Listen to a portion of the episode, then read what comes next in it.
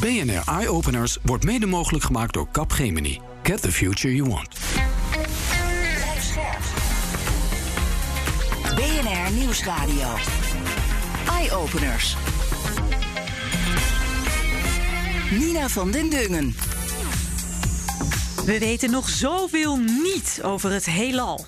Miljardenprojecten als de James Webb Space Telescoop moeten ons gaan voorzien van heel veel nieuwe informatie. Bijvoorbeeld over het ontstaan van de allereerste sterren. Wij zijn de eerste generatie van mensen die de technologie nu in huis hebben om de vraag: zijn wij alleen in de ruimte om die te kunnen gaan beantwoorden. Maar naast alle existentiële vragen die we nog hebben, ontstaat er ook steeds meer een commercieel gevecht om de ruimte. Want er zijn bakken met geld te verdienen aan data. Die verkregen worden via satellieten. En ook Nederlandse bedrijven doen volop aan die wedstrijd mee. De drempel om iets in de ruimte te kunnen doen is enorm verlaagd. Dus uh, vanaf een uh, half miljoen tot een miljoen euro kun je iets nuttigs doen met een satelliet in de ruimte. Maar de wetenschappelijke en de commerciële partijen hebben één gezamenlijk belang. Namelijk het bedenken en maken van de beste technologie. Om de ruimte stukje voor stukje verder te kunnen ontdekken en veroveren. We zijn een, uh, een land wat op bepaalde niches heel goed is. En de, dat blijkt ook uit het feit dat NASA naar Nederland komt als zij zo'n optisch instrument willen bouwen. Ik ben Nina van den Dingen. Welkom bij PNR Eye Openers.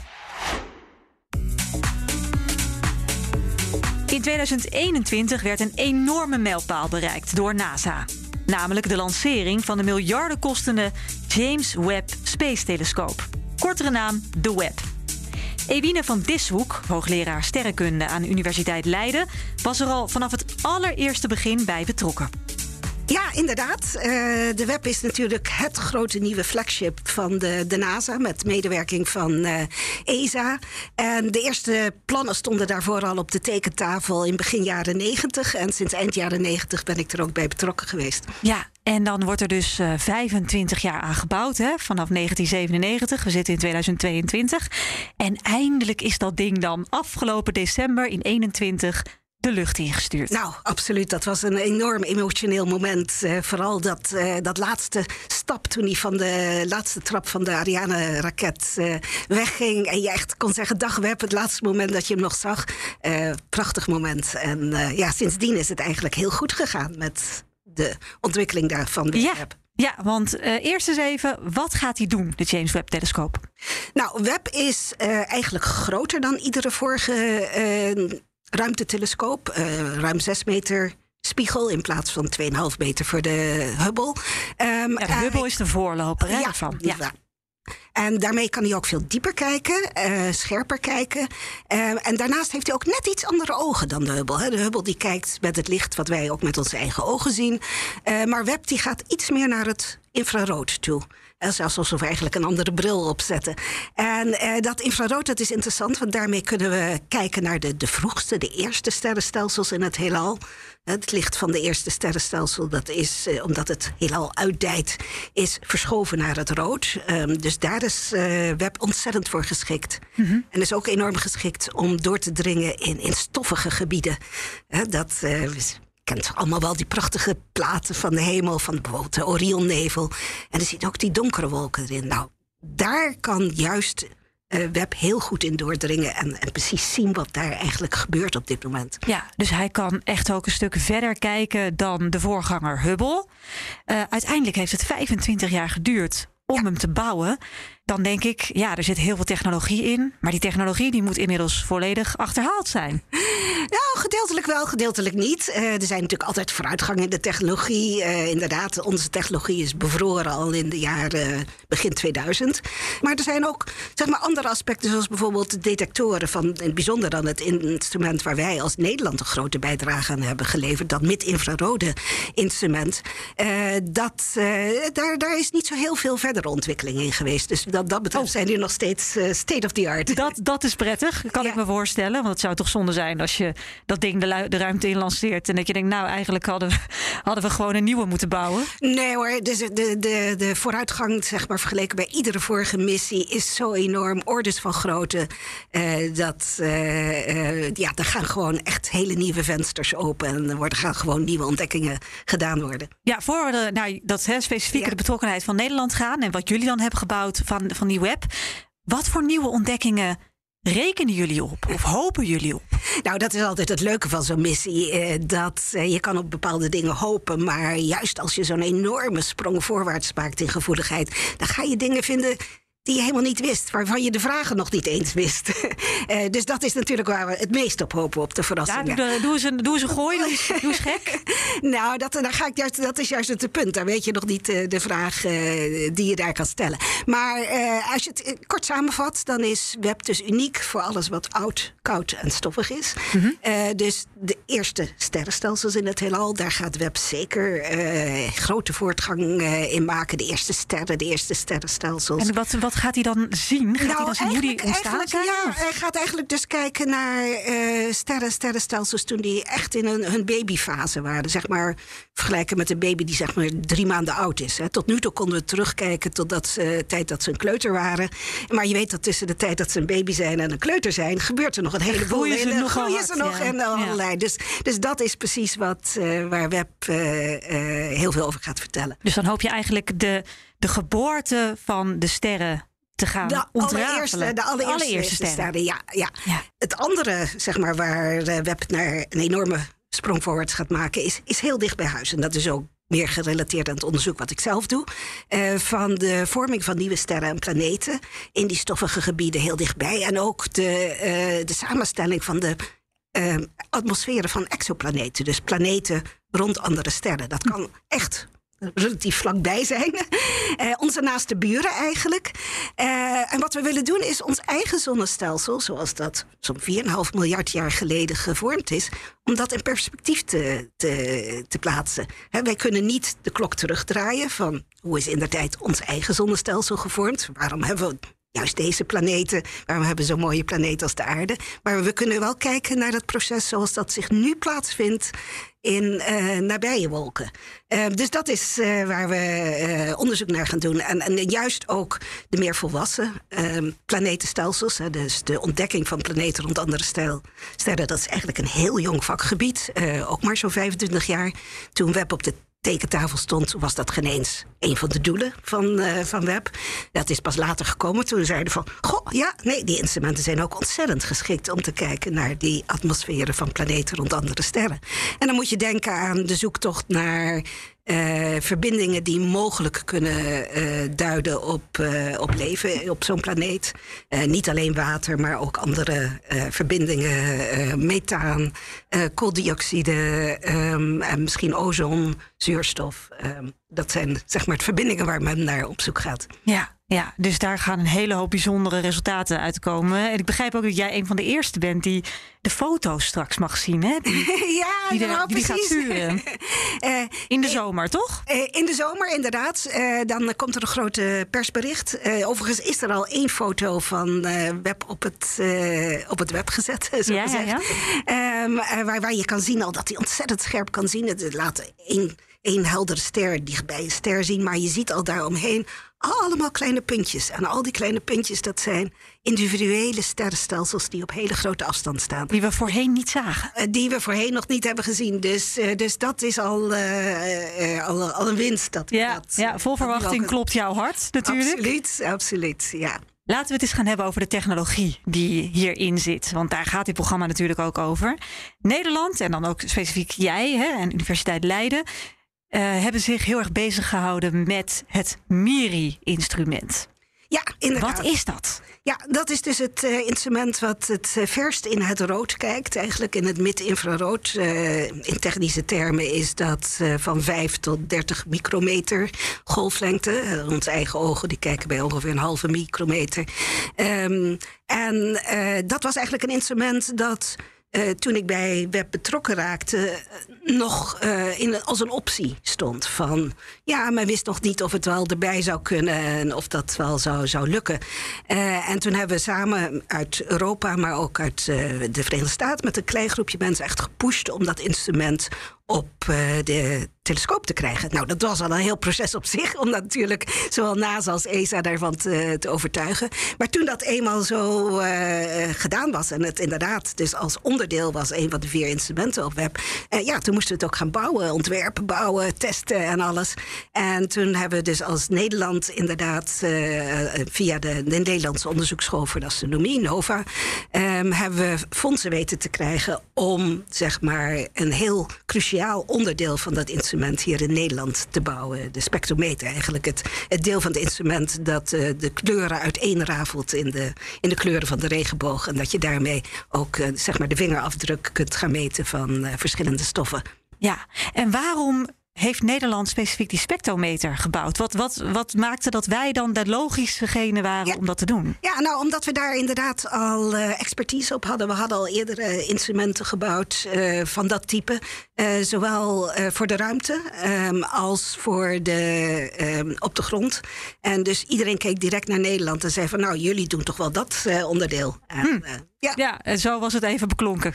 en zo eh, ging het inderdaad eh, Ja. heel makkelijk eigenlijk op een Ja. heel natuurlijke manier. Er is neem ik aan subsidie geweest vanuit eh, overheden, eh, bedrijfsleven die meebetaalt. Ging het zo toen al? Hebben we het over Nou, 25 het, jaar was geleden? voornamelijk, nou, het was voornamelijk eigenlijk dus inderdaad van NWO, dus voor zuiver wetenschappelijk Oh onderzoek. Ja, ja. eh, die daar een eh, subsidie voor heeft gegeven. En via de NOVA, de Nederlandse Onderzoeksschool van de eh, Astronomie, de- OCW, wordt gefinancierd.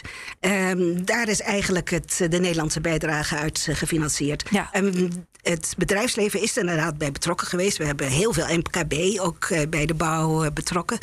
Maar dat is meer dat zij als ehm, ehm, zeg maar contractant waren van ons. Ja, ja, dus jullie betaalden hen voor wie Ja, die, ja, die ja. zij moesten leveren. Ja. Logisch. Wat heeft het uiteindelijk gekost, die spectrometer? Nou, het Nederlandse deel dat is in totaal zo'n 10 miljoen euro eh, voor, voor dat, eh, dat onderdeel. Ehm, En dat is en- bescheiden, hè, als we kijken naar ik de totale zeggen, als je, als, je, als je kijkt naar de hele web die zo'n 10 miljard, Miljard. euro is, dan kan je eigenlijk zeggen dat we voor een tiende procent zitten we toch al een beetje op de eerste rij. Want ja, we hebben dus daardoor een hele hoop eh, gegarandeerde waarneemtijd gekregen voor onze Nederlandse community. Om daarmee eh, als eerste eigenlijk op de telescoop te mogen. Ehm, en, en, en ja, dus, dus dat is eigenlijk eh, hoe je je als klein land toch heel zichtbaar kan maken op zo'n internationaal, eh, intercontinentaal eh, wereldniveau eigenlijk. Nederlandse wetenschappers en bedrijven speelden dus een mooie rol in het maken van die spectrometer op de James Webb Space Telescoop. En dat we daardoor inderdaad in achting stijgen, dat beaamt ook Joost Carpe, manager ESA-programma's bij het Netherlands Space Office. En dat Netherlands Space Office, daar had ik nog nooit van gehoord. Ja, wij hebben niet het formaat van NASA en ook niet de uitstraling, maar wij zijn de uitvoeringsorganisatie van de Nederlandse overheid om het ruimtevaartbeleid uit te voeren. Dus wij vertegenwoordigen Nederland bij de Europese ruimtevaartorganisatie ESA. En wij zijn ook het eerste aanspreekpunt voor de Nederlandse ruimtevaartsector. Ja, dus jij zit ook aan tafel bij ESA en misschien ook bij NASA, of is dat nog niet gebeurd? Nee, wij, eh, wij zijn ook voor buitenlandse space agencies, maar ook voor ESA het eerste aanspreekpunt. Dus met NASA spreken wij eh, ook. Ja. Wat eh, eh, doet Nederland nu allemaal op het gebied van ruimtevaart? Hoe, hoe innovatief zijn wij? Ehm, eh, wij zijn in de eerste plaats heel goed in het wat ik graag het dresseren van licht noem. Dus het bouwen van ehm, instrumenten die met behulp van licht natuurkundige processen onderzoeken. Dat klinkt heel abstract. Maar wat we eigenlijk heel goed kunnen is naar sterren kijken, naar de aardatmosfeer kijken met behulp van licht. En dan van dat licht uit afleiden hoe die ster eruit ziet, hoe de aardatmosfeer eruit ziet, hoe een zwart gat eruit ziet of de materie rond een zwart gat. Eh, en daarvoor moeten we het licht eh, laten doen wat wij willen dat het doet. Ja, middels lenzen en allerlei andere technologie. Ja, lenzen, eh, spiegels vooral, eh, Mhm. maar ook detectoren die dan het licht waarnemen en ons vertellen wat dat, eh, hoe dat er precies uitziet. Hoe kan het dat wij daar zo goed in zijn? Ja, wij zijn al jaren geleden, eeuwen geleden, is de telescoop in Nederland uitgevonden. Uh, gevonden. Succes heeft vele vaders, maar wij hebben de telescoop uitgevonden. Dat is wel leuk om te weten, dit. Dat, mm En um, die optische technologie heeft Nederland nooit verlaten. Dus uh, Antonie van Leeuwenhoek ook met de microscoop. Delft is ook een, een, een, een punt waar veel, veel licht samenkomt, zou ik gaan zeggen. Ja, ja. Het, het klinkt voor mij, hè, telescoop, als een essentieel onderdeel om de ruimte te bestuderen. Maar zijn wij inderdaad ook echt wel een serieuze speler? Als we even kijken, gewoon breed, als het gaat over ruimtevaart. Doet Nederland dan een beetje mee in, in de bovenste regionen? Of zijn we echt wel een klein beetje Calimero? Um, nou ja, Calimero had een heel groot hoofd. En ik denk dat dat Nederland misschien wel goed beschrijft. Uh, we zijn een, uh, een land wat uh, op bepaalde niches heel goed is. En de, dat blijkt ook uit het feit dat NASA naar Nederland komt. Als zij zo'n optisch instrument willen bouwen. soms willen ze het zelf bouwen, komen ze naar Nederland omdat ze het er niet uitkomen. Soms Even af te kijken. Ja, niet afkijken. Ze betalen er keurig voor. Maar dan helpen wij ze uit de problemen. Want ruimtevaart is samenwerking. En, uh, maar soms vragen ze ons ook om een instrument te leveren. En uh, zo komen ze bij ons terecht. Dus men kent ons als uh, zodanig, maar men kent ons bijvoorbeeld ook van uh, hele specifieke componenten van satellieten. Bijvoorbeeld de energievoorziening. Die wordt ook vaak in, uh, in Nederland besteld, omdat wij dat nou eenmaal heel goed kunnen. En NASA voor sommige van hun missies liever iets koopt wat bewezen is in Nederland dan zelf iets ontwikkelt. Ja. Nou ben jij ook uh, een beetje de, de spin in het web, zowel hè, tussen de overheid, maar ook tussen de Nederlandse bedrijven die uh, toepassingen maken voor de ruimtevaart. Hoe groot is die sector in Nederland? De sector is, uh, dat hangt er vanaf. De sector wordt steeds diffuser. Dus als je zegt de hardcore uh, ruimtevaartmedewerkers, dat zijn uh, voor het Nederlandse bedrijfsleven zijn er zo'n duizend. Er werken iets van 2800 mensen bij de grootste ESA-vestiging in Noordwijk, mm -hmm. Estec. Maar er zijn nog een heleboel meer bedrijven die, en banen afhankelijk van de ruimtevaart. Reken je dat tot de ruimtevaartsector of niet? Dat is dan altijd. Ja, noem eens een voorbeeld van een bedrijf dat daar dan wel afhankelijk van is. Nou, laat ik een hele simpele noemen: TomTom. Tom. Uh, de navigatie van TomTom hangt af van een signaal vanuit de ruimte. Dat was vroeger het Amerikaanse GPS-systeem. Tegenwoordig is dat het, ook het Europese Galileo-systeem. Mm.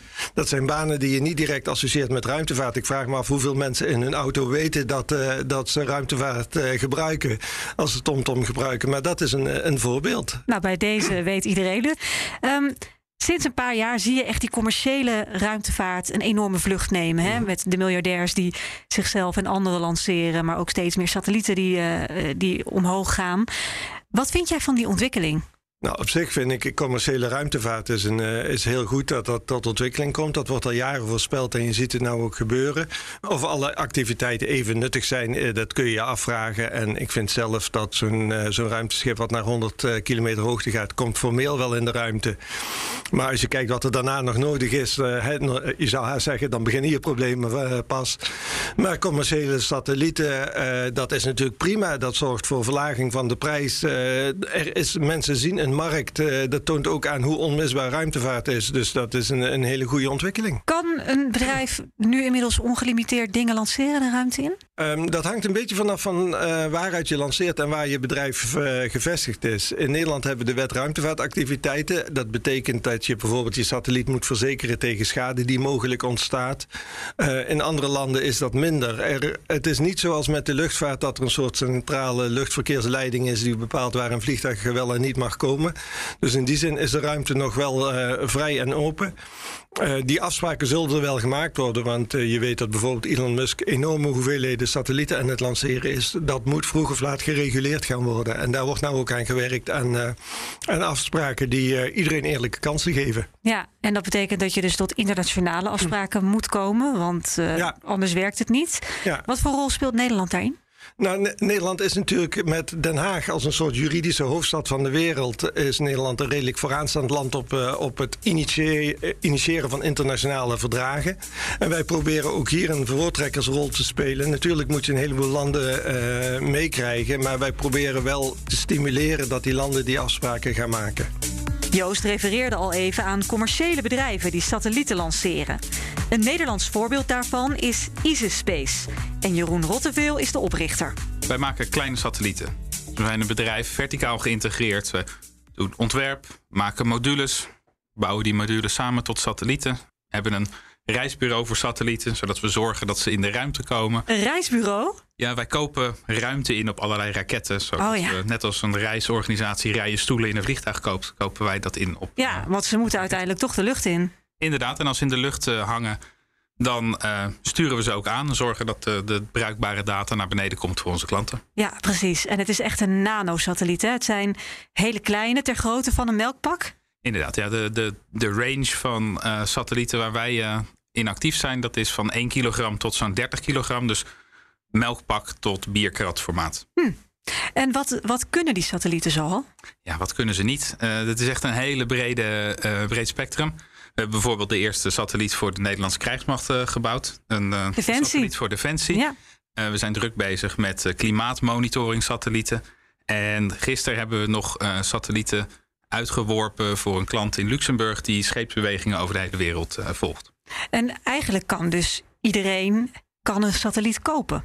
Ja, je moet een klein beetje eh, geld hebben, maar ehm, zeker in die kleine satellietenbusiness is de drempel om iets in de ruimte te kunnen doen, is enorm verlaagd. Dus eh, vanaf een eh, half miljoen tot een miljoen euro kun je iets nuttigs doen met een satelliet in de ruimte. Mhm. En dan kun je dus van alles meten. Je, je noemde al iets, hè? de scheepvaart kun je monitoren. Je kan, neem ik aan, het, het weer monitoren. Wat nog meer? Eh, een van de dingen waar we eh, nu in Nederland druk mee bezig zijn, is bijvoorbeeld eh, rondom klimaat, emissieuitstoot. Dus het detecteren van de uitstoot van CO2, methaan, stikstof.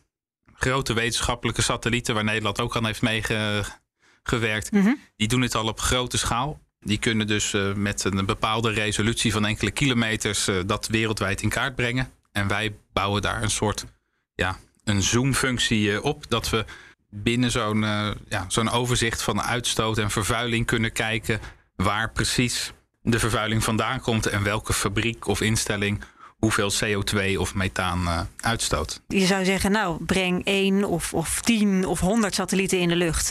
En laat allemaal iets anders meten. Dan heb je alle gegevens. Dan hoeven er toch niet nog allemaal losse kleine satellietjes de lucht in. Ja, op zich als, eh, heb je een, een goed punt als zo'n satelliet alles zou kunnen. En de huidige generatie klimaatsatellieten zijn echt bedacht voor de wetenschap.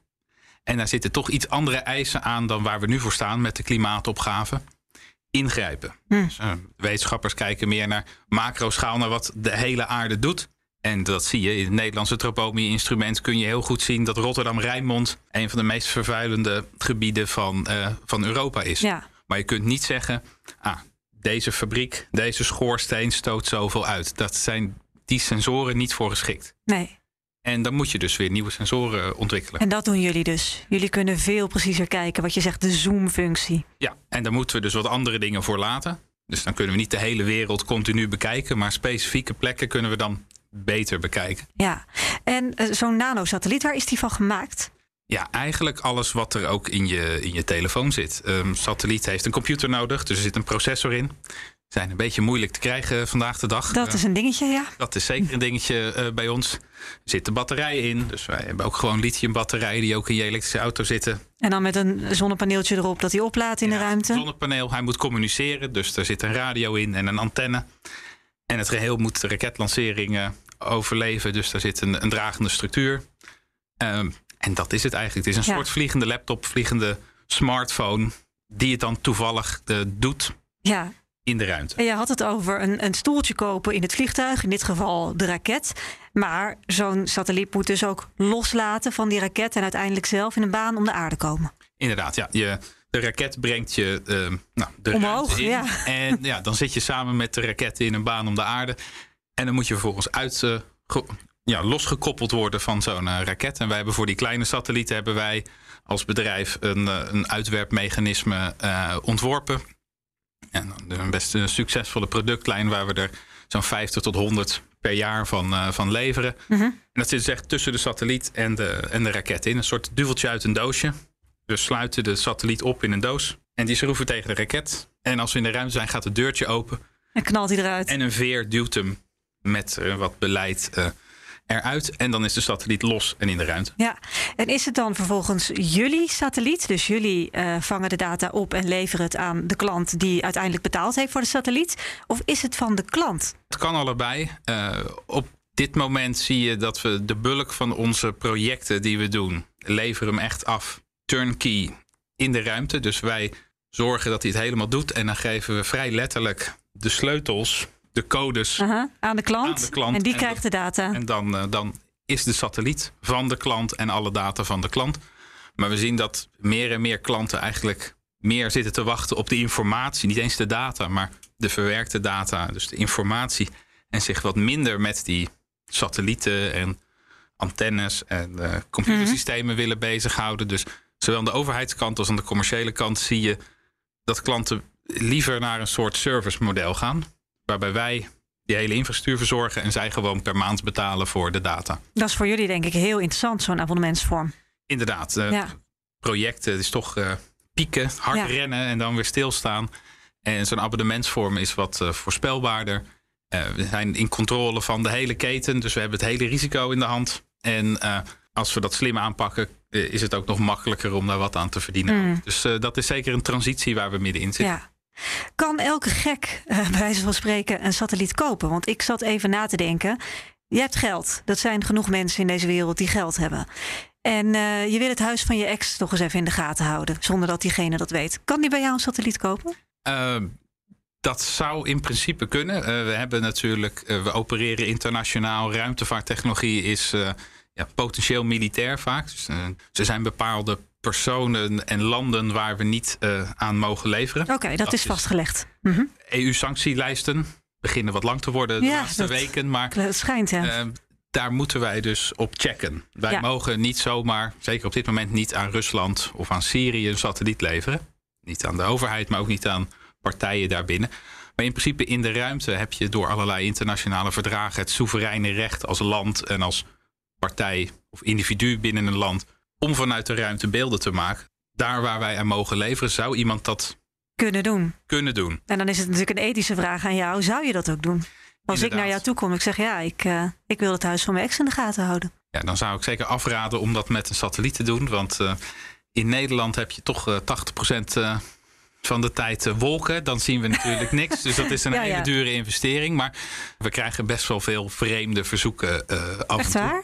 Wat Ja. noemen, want ik heb dan een heel raar voorbeeld genoemd. Maar noem Nou, jij eens een... is eh, nog een redelijk normaal voorbeeld. Oké, wat, wat, wat voor verzoek heb jij dan bijvoorbeeld eens gekregen dat je dacht, nou, Dingen waarvan, waar wij nee tegen hebben gezegd. Dingen als eh, het eerste heilige geschrift eh, op de maan laten landen. Een bevruchting van menselijke cellen in de ruimte in kleine satellieten. Je kunt zo gek die. Ja, het zijn kleine satellieten. Eh, het is onder een miljoen. Mensen gaan creatief worden. Mensen denken ik wil een baby verwekken in de ruimte. Bijvoorbeeld. Ja, daar zeg je dus nee tegen. Inderdaad. Omdat jij denkt, ja, dag, Ja, eh, lichtreclame. Dat je dus. eh, lichtreclame in de ruimte. Hm. Ja, zeggen we ook nee tegen. Want de astronomie heeft al best wel last van satellieten om vanuit. eh, Al die lichtjes. Ja, Ja, word je dus- gek van als wetenschapper. nou ja, maar je zou dus prima eh, mooie boodschappen kunnen schrijven met een satelliet. Ik wil eh, met je trouwen. Ja. Ja. Dus nee, wij, eh, dat is aan de ene kant. De, het moet wel echt nut hebben. En daarnaast zitten wij als eh, civiele partij. eh, we doen wat werk eh, in de defensie- en veiligheidskant. Maar toch vooral aan de informatievoorziening en de informatieverstrekking.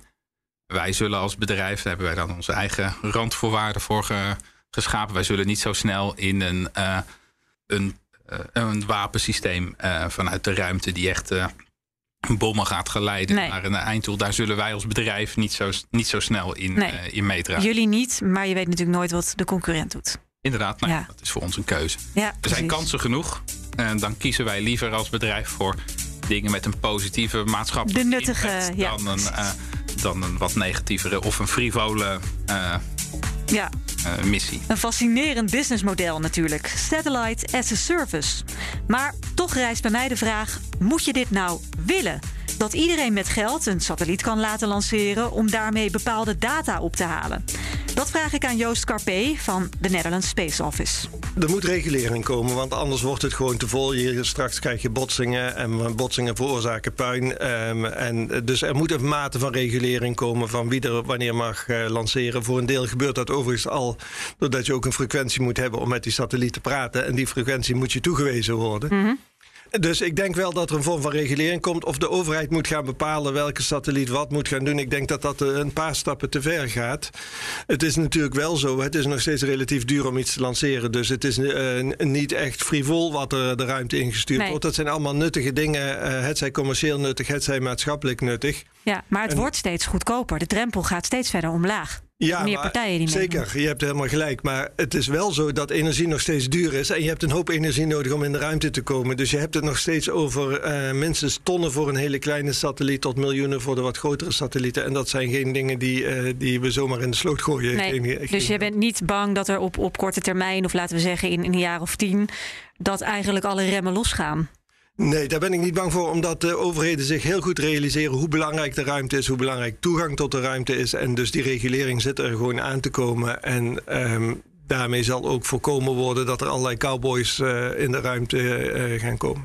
Waar moeten wij als Nederland vooral in investeren, denk jij, als het om, om ruimtevaart gaat? nou, ik denk dat het heel goed is om te blijven investeren in, uh, in die wetenschappelijke instrumenten. Want daar zijn we heel goed in. Onze wetenschap is daar vooraanstaand in. Je ziet dat ook dat soort instrumenten commerciële toepassingen krijgen. Hè, commercieel de luchtkwaliteit meten, zodat bijvoorbeeld steden die gegevens kunnen inkopen. Um, maar ook bijvoorbeeld instrumenten om waterkwaliteit vanuit de ruimte te, te meten. Daar is ook behoefte aan waterhoogte. Uh, Nederland is een relatief klein land, maar ook in Nederland is satellietdata goed te gebruiken. Er is ook een enorme markt. Hè. De wereld is heel groot. En juist door die Nederlandse bedrijven nationaal uh, hun gegevens aan of hun informatie te laten aanleveren, kun je daar een internationale markt mee ontwikkelen. Ook hoogleraar sterrenkunde Ewine van Dishoek pleit voor meer investeringen vanuit de overheid in de ruimtevaart. Omdat het juist ook de samenwerking tussen wetenschap en bedrijfsleven aanjaagt. Het is eigenlijk een fantastische manier om uh, uh, jonge mensen enthousiast te maken voor de beta-wetenschappen. Voor, uh, het is een enorme publiekstrekker eigenlijk als je, als je als je kijkt naar uh, de spannende ontdekkingen in de ruimte, uh, ook de technologie die daarbij betrokken is. Het is natuurlijk niet meer alleen uh, dat de satellieten naar boven kijken, maar ook naar beneden. Het is ontzettend spannend onderzoek wat gedaan wordt aan bijvoorbeeld klimaat, aardatmosfeer. Um, en Nederland heeft daar zoveel in huis dat ik vind het gewoon jammer dat daar niet meer in wordt geïnvesteerd. Want er zijn ongelooflijk veel opties om dat te doen. En waar denk je dat dat aan ligt? Ja, ik denk dat men uh, misschien nog niet uh, genoeg doorheeft van hoeveel van, uh, zeg maar, als wij als wetenschappers de vragen stellen. Daarmee drijven wij ingenieurs tot het uiterste. En natuurlijk heel veel van dat geld dus wat we krijgen om die instrumenten en die um, uh, satellieten te bouwen, dat gaat niet naar de wetenschappers toe. Dat gaat in eerste instantie toe naar de industrie, naar de mensen die dat kunnen bouwen. Doordat wij als wetenschappers die vragen stellen, drijven wij dus de ingenieurs tot het uiterste. Uh, en daarmee gaan ze geen winst maken op, uh, op ons contract, maar ze gaan wel winst maken op de volgende contracten, want ze hebben iets geleerd. Ja. Je ziet het gewoon bij de ingenieurs dat ze ongelooflijk enthousiast zijn om aan dit soort projecten te werken. En, en dat is natuurlijk ook wat uiteindelijk innovatie brengt. Ja, nou ja, je zegt vanuit de wetenschap stel je de vragen. De ingenieurs die gaan bouwen om te zorgen dat jullie de antwoorden krijgen. En tegelijkertijd zien we natuurlijk al een tijdje lang dat daar een enorme commerciële tak in opkomst is. Ja. Um, waar gewoon ook heel simpel belangen uh, worden gediend qua geld verdienen. Ja.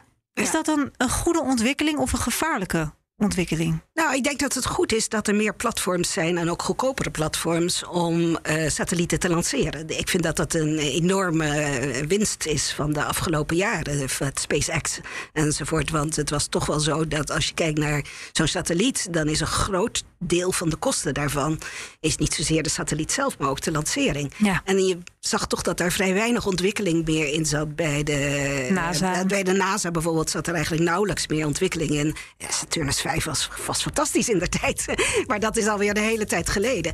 Met de Russen en de Chinezen? Uh, ja, daar wordt ook wel. Dus, dus men was eigenlijk echt wel op zoek naar nieuwe, goedkopere platformen om satellieten te lanceren. En ik denk dat dat een grote winst is. Tot slot wil ik van Ewine weten wat we nu echt nog niet kunnen meten in de ruimte. Als je kijkt naar de staat van onze technologie. We zijn eigenlijk op een heel speciaal moment nu in onze ontwikkeling van de technologie. Want wij zijn de eerste generatie van mensen die de technologie nu in huis hebben. Om uh, de vraag: zijn wij alleen in de ruimte? om die te kunnen gaan beantwoorden. dus de technologie die we moeten hebben om te kijken naar de atmosferen van exoplaneten. Om daar te kijken of daar tekenen van leven zijn. Web gaat daar een eerste stapje in nemen, maar daar is nog een volgende generatie uh, satellieten voor nodig.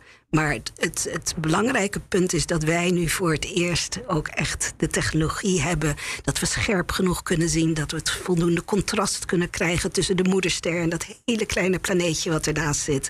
Uh, en ook die samenstelling daarvan kunnen bepalen. Dus, dus wat dat betreft zijn we op dit moment in een, ja, eigenlijk in een heel, heel uh, speciaal moment voor de komende zeg maar 30, 50 jaar. Nou snap ik ook waarom jij al 25 jaar aan dit project werkt. Want jij hoopt natuurlijk, wanneer krijgen we dan antwoord op die vraag? Ja, Zijn we alleen in dit heelal? Ja, nou ja, ik hoop dat uh, zo op zo'n 30, 50 jaar, dat, uh, ja, dat is klinkt lang, maar eigenlijk is dat, als je kijkt van hoe de wetenschap gaat, is dat relatief uh, gesproken vrij kort. Dus jij denkt vanaf nu, 30 tot 50 jaar, dan hebben we antwoord daarop? Dan, dan denk ik dat we antwoord wel daarop zullen hebben op die vraag. Spannend zeg. En daarmee zijn we aan het einde van deze aflevering van BNR Eye Openers. Volgende week gaat het over de circulaire economie. Hoe komen we tot zero waste? Mijn naam is Nina van den Dungen en graag tot volgende keer. BNR Eye Openers wordt mede mogelijk gemaakt door Capgemini. Get the future you want.